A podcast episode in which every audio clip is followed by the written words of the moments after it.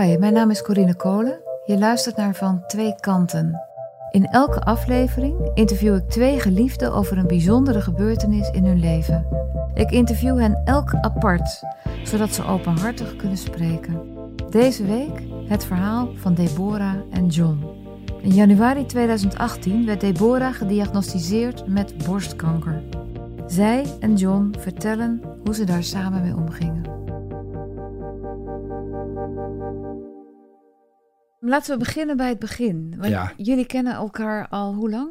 29 jaar. En hoe hebben jullie elkaar leren kennen? Ik heb de boer voor het eerst gezien bij mijn studio. Ik heb een fo- een fotostudio. En daar logeerden twee straatmuzikanten. En een van de jongens die kende zij. Ze kwam, die, die sliepen s'nachts in mijn studio. En ik kwam s ochtends aan en toen eh, zat zij daar op de, op de stoep. En hoe zag ze eruit? Onbevangen. En het was zomer, eh, los, eh, sexy, eh, fris. De allereerste keer dat ik John zag was in de swing. En iedereen die uit Nijmegen komt en mijn leeftijd heeft, kent de swing. Toen vond ik zijn vriend vooral leuk, die hij mee had. En het is ja, begonnen omdat ik hem opnieuw een paar maanden later zag. En toen dacht ik, hé, hey, dat is die vriend van Joey. En ik vond hem ineens echt heel leuk. Ik had gelijk... eh, dus niet wat ik de eerste keer had, maar ik vond hem op Ernst Jans lijken. En ik was als jong meisje een mega doe fan, maar ik vond ik Henny Vrienden leuk. Dat was een tijd dat ik nog op blonde jongens juist viel en gaandeweg. Nou, fijn. Ik zag John en ik vond dus dat hij op Ernst Jans leek. En ik vond inmiddels ook eh, mannen met donker haar veel aantrekkelijker dan eh, blonde mannen. En toen heb ik mijn kaartje gegeven. En toen ben ik bij de logeren en heb ik de volgende dag de vuilnis buiten gezet. Ja, zo dus.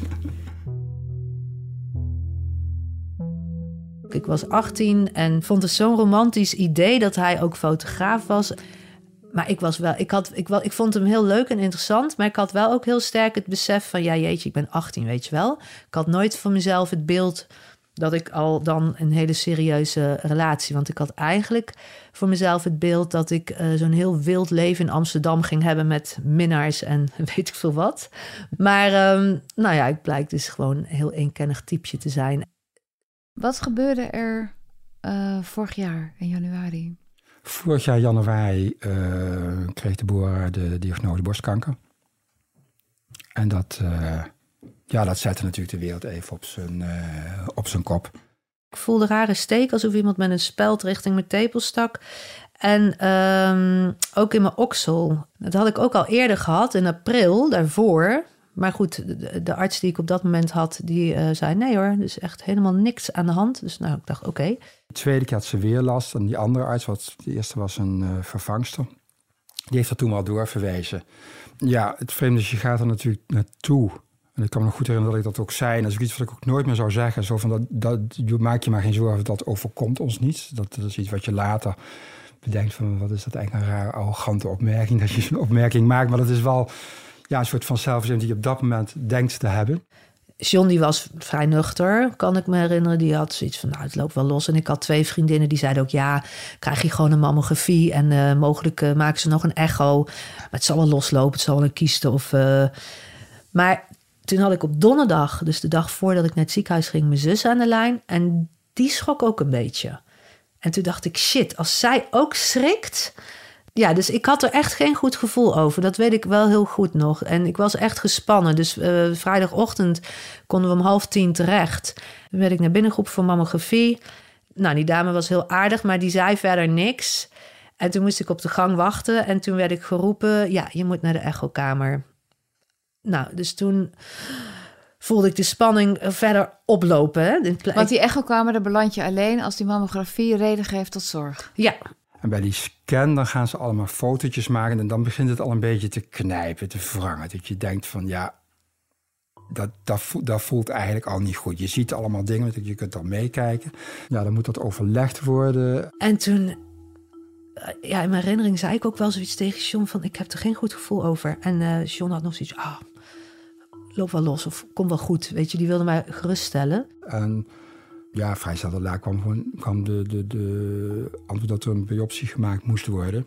En toen brak ik echt, toen, toen begon ik echt te huilen van, toen zei ik ook echt tegen John, ja, dit is, ik zei het toch, het is niet goed. En bedoel, want het was heel lief. Hij probeerde mij dat te geruststellen. Maar ik voelde al de, weet je wel, en dan nog voelde ik ook nog wel een klein sprankje van hoop. Hè? Van, ik bedoel, het kan nog wel. En als je me nou gaat vragen wanneer kreeg je nou daadwerkelijk te horen dat het echt niet goed was? Ik heb daar eigenlijk helemaal geen antwoord op, weet ik niet. Was dat wel diezelfde dag nog? Ja, het ging heel snel.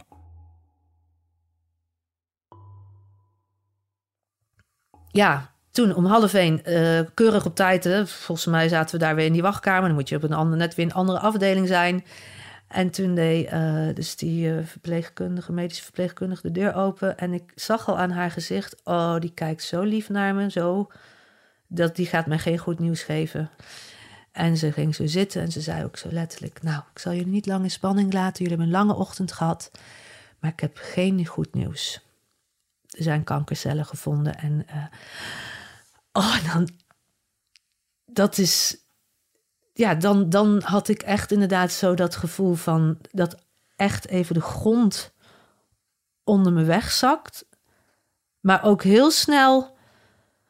Oké, wat, wat betekent dat? Ik, ja, de, de, honderd dingen door mijn hoofd. De kinderen, uh, werk, uh, hoe dan, wat dan, hoe erg. Ook de rit naar huis in de auto is me nog bijgebleven nadat we dus de diagnose hadden gekregen wat me ook vooral bij zat, de boer heel overstuur was ook van, ik ga mijn haar verliezen.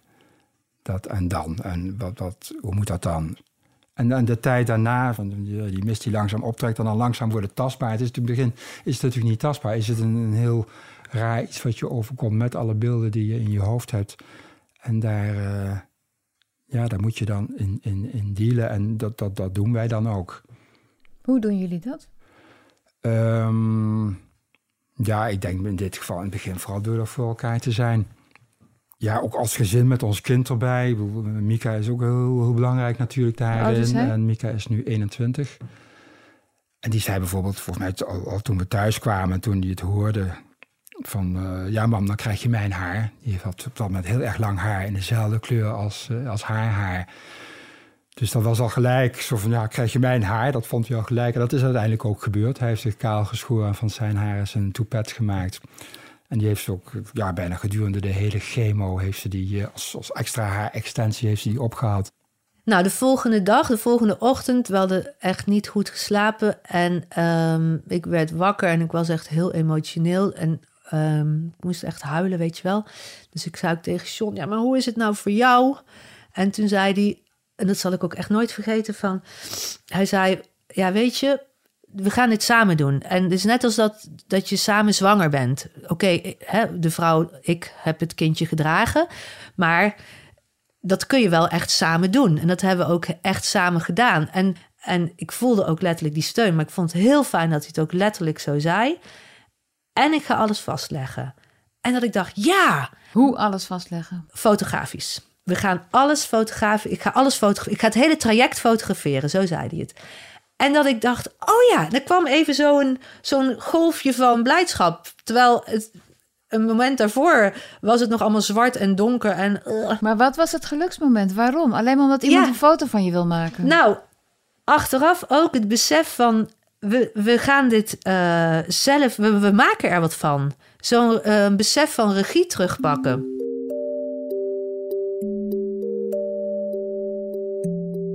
Ik heb alles gefotografeerd, dus er is een hele fotoserie van gekomen. En achteraf blijkt dat, ja, voor mij was dat een stukje... Het gaf mij ook een andere reden om erbij te zijn telkens. was er bijna professioneel. Ik zag natuurlijk ook hele mooie beelden. Ik bedoel, zo'n zo, zo, zo scanner en, en alles wat daarbij komt kijken zijn ja, fotografisch mooi. Het is niet anders.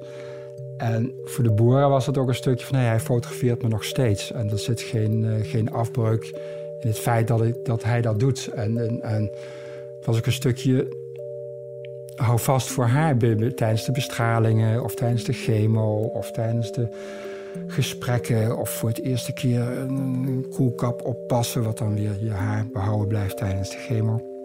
Dus dat was best een belangrijke functie, had dat. Kregen we op vrijdag, dus precies een week later, de exacte diagnose. Dus toen hadden we een gesprek met de chirurg. Nou, toen bleek dus dat ik de hormoonvariant had. Dat er vooralsnog ook weer in de MRI-scan geen uitzaaiing in mijn oksel was dat er wel uh, een, een, tumor van ruim 3 centimeter, dus dat, nou, dat vond ik best wel fors. En er zat een soort satellietvorming, noemen ze dat. Uh, dus een soort tumortje in wording al uh, in de buurt van de tumor. En er zat heel heel veel voorstadium van borstkanker, ook in dus kalkspatjes of dingen. Dus nou, al met al, ja, vond ik het geen goed verhaal eigenlijk. Ik zei ja, en wat gaan we doen? Uh, ze zijn, nou, er zijn in principe twee uh, mogelijkheden. Je kunt kiezen voor amputatie. En dan blijkt na het onderzoek van de patholoog wat je verder aan behandeling moet. Maar ze zei, de kans is echt wel groot en reëel dat je chemo moet en eventueel ook nog bestraling. Of zei ze, je begint met chemo en dan kun je een borstbesparende operatie zeer waarschijnlijk krijgen. En afhankelijk wat we dan eh, gaandeweg uh, gaan zien, uh, wel of niet bestralingen. En ik had zo, wij hadden allebei heel sterk het gevoel, het moet weg. Waarom? Ik vond het, dat is echt puur een gevoelsding. Maar ik had, ik vond het zo'n naar idee dat er een tumor in mijn lijf zat. En dat ik daar mijn borst voor moest opofferen, dat vond ik kei heftig wel. Maar heel erg overheerste het gevoel, die tumor, die moet weg. En zo snel mogelijk. Wat ik ook gelijk heb voorgesteld eigenlijk, want die operatie kwam vrij snel. was om een soort van borstafscheidsparty te houden op mijn studio met een fles champagne erbij. Daar hebben we foto's gemaakt, half naakt foto's, zoals we dat eigenlijk altijd gedaan hebben tijdens onze relatie. En daar een moment van gemaakt, een ritueel. Met jullie met z'n tweeën? Met z'n tweeën, ja, op de studio, ja. En is daarbij gehuild of gelachen? Nee, daar is niet bij gehuild. Nee. Dus het was eigenlijk was gewoon gezellig. maar is een ritueel, is dat een ritueel eigenlijk? Uh, nee, ritueel impliceert dat iets terugkomends is. Hè? Dat is het natuurlijk niet. Maar het is wel een moment stellen, denk ik. Iets, iets vastleggen en ook eh, toch wel even bewust erbij stilstaan. Van, van ja, het is ja, een, af, een afscheid.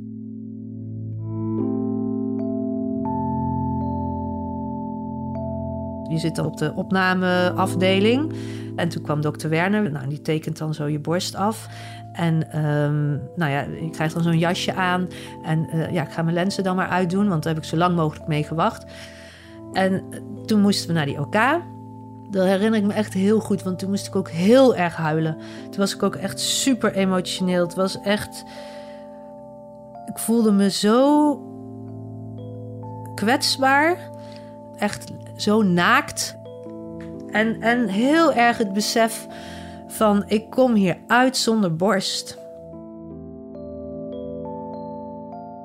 Ja, die mensen doen dat heel goed, vind ik. Ik lag, ik lag op dat bed en um, zei, ik kreeg allemaal handjes. Ik ben die, ik ben die. En ze waren allemaal super aardig. En ze zagen ook eh, nou ja, dat ik dus heel, heel erg aan het huilen was of verdrietig was. En toen, uh, toen vroegen ze van... en ze begon gewoon met mij te kletsen. Dat is echt super effectief. Um, van, goh, ga je nog, heb je iets leuks in het vooruitzicht als dit allemaal voorbij is? Ik zei ja, op zich wel, want we gaan op vakantie. We gaan naar Suriname. En, uh, oh, naar Suriname, wat leuk. Ik zei ja, ja, daar kijk ik wel heel erg naar uit of zoiets. En met die gedachte aan Suriname en zo. En ondertussen waren ze dus bezig met infuus en dit en dat. En toen, en toen was ik dus oh, weg.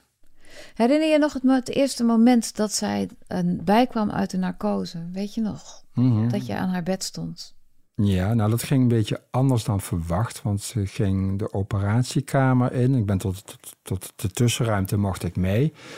En ik ben toen ergens gaan eten in het ziekenhuis. En ik, ging, ik werd op een gegeven moment gebeld waar, dat, dat ze al uitgereden werden. Toen moest ik nog een heel eind lopen. Dus ze was al bijgekomen toen ik bij haar kwam. En toen heb ik uh, samen met een uh, verpleger waar naar de kamer gereden, dat bed. Ja, het was, was natuurlijk nog, nog suf en had honger. En dat, dat, ja, dat, dat, is een heel, heel scala aan emoties wat je dan uh, hebt. En je hebt natuurlijk die, die, dat, dat verband wat al zit en de spanning van ja, wat, wat zit daarachter? Hoe vreselijk is het? Ik bedoel, dat het vreselijk is, dat, dat staat natuurlijk vast. Maar ook daar zijn gradaties in de volgende dag of zo, of de dag daarna, weet niet precies, maar ik kan me wel natuurlijk heel goed herinneren dat het verband eraf ging. En dat we het allebei zagen, dat litteken, en dat we allebei zoiets hadden van, oh, nou, dat valt dus wel mee. Het zag er namelijk heel netjes uit. Het was heel, heel keurig gedaan en het was, was geen, geen bloederige massa. Of het was gewoon een hele. Het was een soort smiley was het geworden. En dat, dat viel ons heel erg mee. Dat weet ik nog wel heel goed. Het besef dat je je borst mist, ehm, dat, dat is er gewoon af en toe. Dat is niet zo in mijn herinnering of in mijn beleving. Want het is zo onwerkelijk. Heel lang was het gewoon heel onwerkelijk. En in Suriname is er heel veel opnieuw verdriet losgekomen en heel erg een besef. Ik, ik heb één borst. Hoe was dat? Was dat een andere vakantie dan normaal? Denk het wel, ja. Ja, denk ik wel. Het was, uh, waar natuurlijk ook, er zaten ook confrontaties in met het feit van... Ja, opeens ben je in een warm land waar je een bikini loopt... en waar je je ja, soms moet omkleden en opeens is daar één borst. Dat is toch iets waar je van tevoren natuurlijk nog niet bij stil hebt gestaan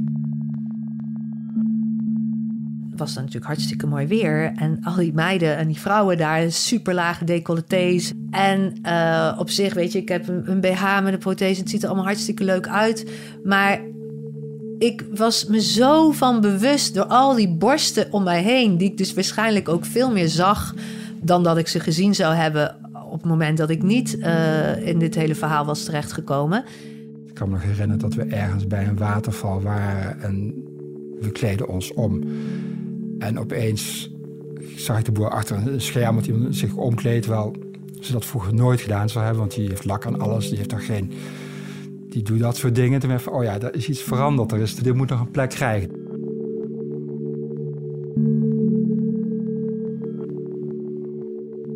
Wat voor effect heeft het op de erotiek? Ja, ik kan zo, zo liegen als ik zeg dat, dat het geen effect heeft. Natuurlijk heeft dat effect. Bent, bent, bent twee borsten, dat, dat, dat is absoluut wennen dat dat, uh, dat dat ontbreekt. Maar uiteindelijk blijft het natuurlijk dezelfde, dezelfde vrouw en blijven wij hetzelfde, stijl. We zijn, zijn altijd heel erg knuffelig en erg. uh, ja, we zitten veel aan elkaar en dat is nog steeds zo. Ik heb me naar John nooit geschaamd. Absoluut niet. Nee, want ik vond het wel heel rot voor hem. Ik dacht, oh, jij was ook zo dol op mijn borsten en nu hebben we er nog maar één. Maar geen, geen schaamte of geen gevoel van uh, dit schaadt ons liefdesleven of wat dan ook. Of daardoor, nee. Geen enkel moment uh, heeft John mij het gevoel gegeven dat, dat hij niet meer opgewonden wordt of dat hij niet meer met me wil vrijen. Dus daar doet het geen afbreuk aan. Na de operatie zijn er bestralingen geweest, er waren er vrij veel. En toen, ja, na die bestralingen was het vakantie en daarna kwamen de, kwamen de chemo's. En was de eerste vier weken was het één keer per week. Het was, dat is ook gelijk de zwaarste chemo, waar ook gelijk je haar van uitvalt. Nou, de boer had daarbij een, uh, een koelkap, uh, deed ze op. Die be, be, bevriezen de, de haarzakjes.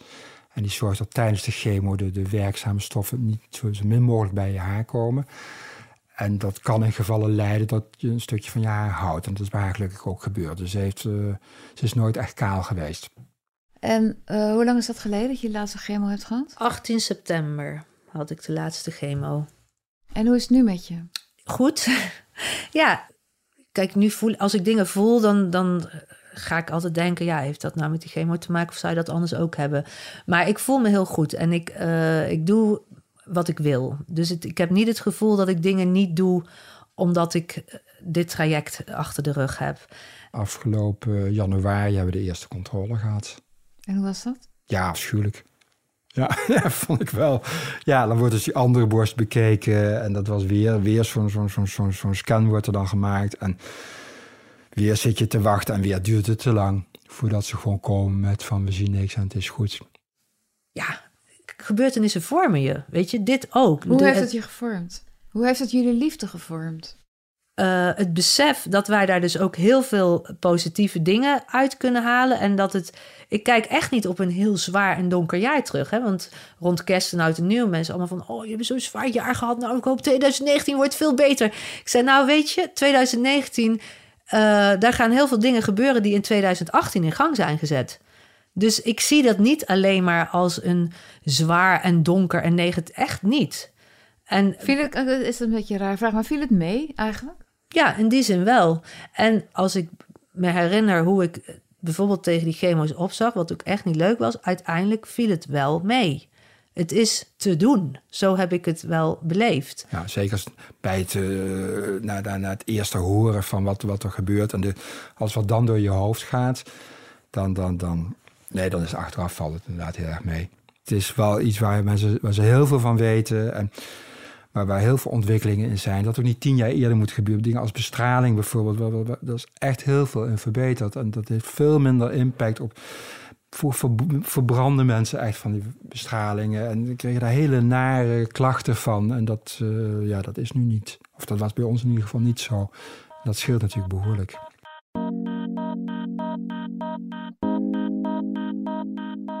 Kijk, zoveel verschillende mensen als er zijn, zoveel verschillende vormen van kanker heb je en zoveel verschillende vormen uh, van uh, een, een ziekteproces of een medisch traject zijn er ik was niet ziek. Ik lag niet kotsend in bed met, met een kaal hoofd. En uh, dat, niet dat dat erg is, maar zo voelde ik me dus ook niet. Ik was van tijd tot heel moe. En dat bedoel, ik moest wel degelijk dingen aanpassen. Maar um, ja, ik was niet ziek in die zin. Het is geen leermoment. Het is geen. Uh, het is ook niet dat ons leven nou helemaal veranderd is. Dat we opeens gaan denken van we moeten leven nu leven, want het kan zo vooral. Een annuleringsverzekering. Dat, dat, dat hebben we wel geleerd. Dat dat misschien wel eens belangrijk is. Alhoewel we het volgens mij laatst alweer een keertje niet gedaan hebben. Dus het sluipt er ook alweer in. Uiteindelijk blijft alles. Gaat het toch weer zoals het gaat.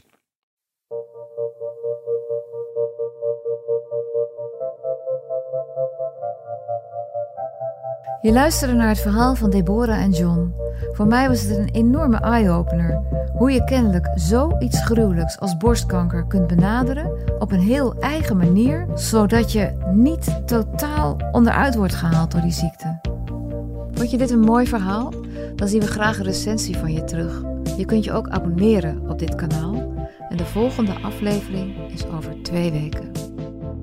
Hebben jij en je partner ook een bijzonder verhaal te vertellen? Mail dan naar lust.volkskrant.nl.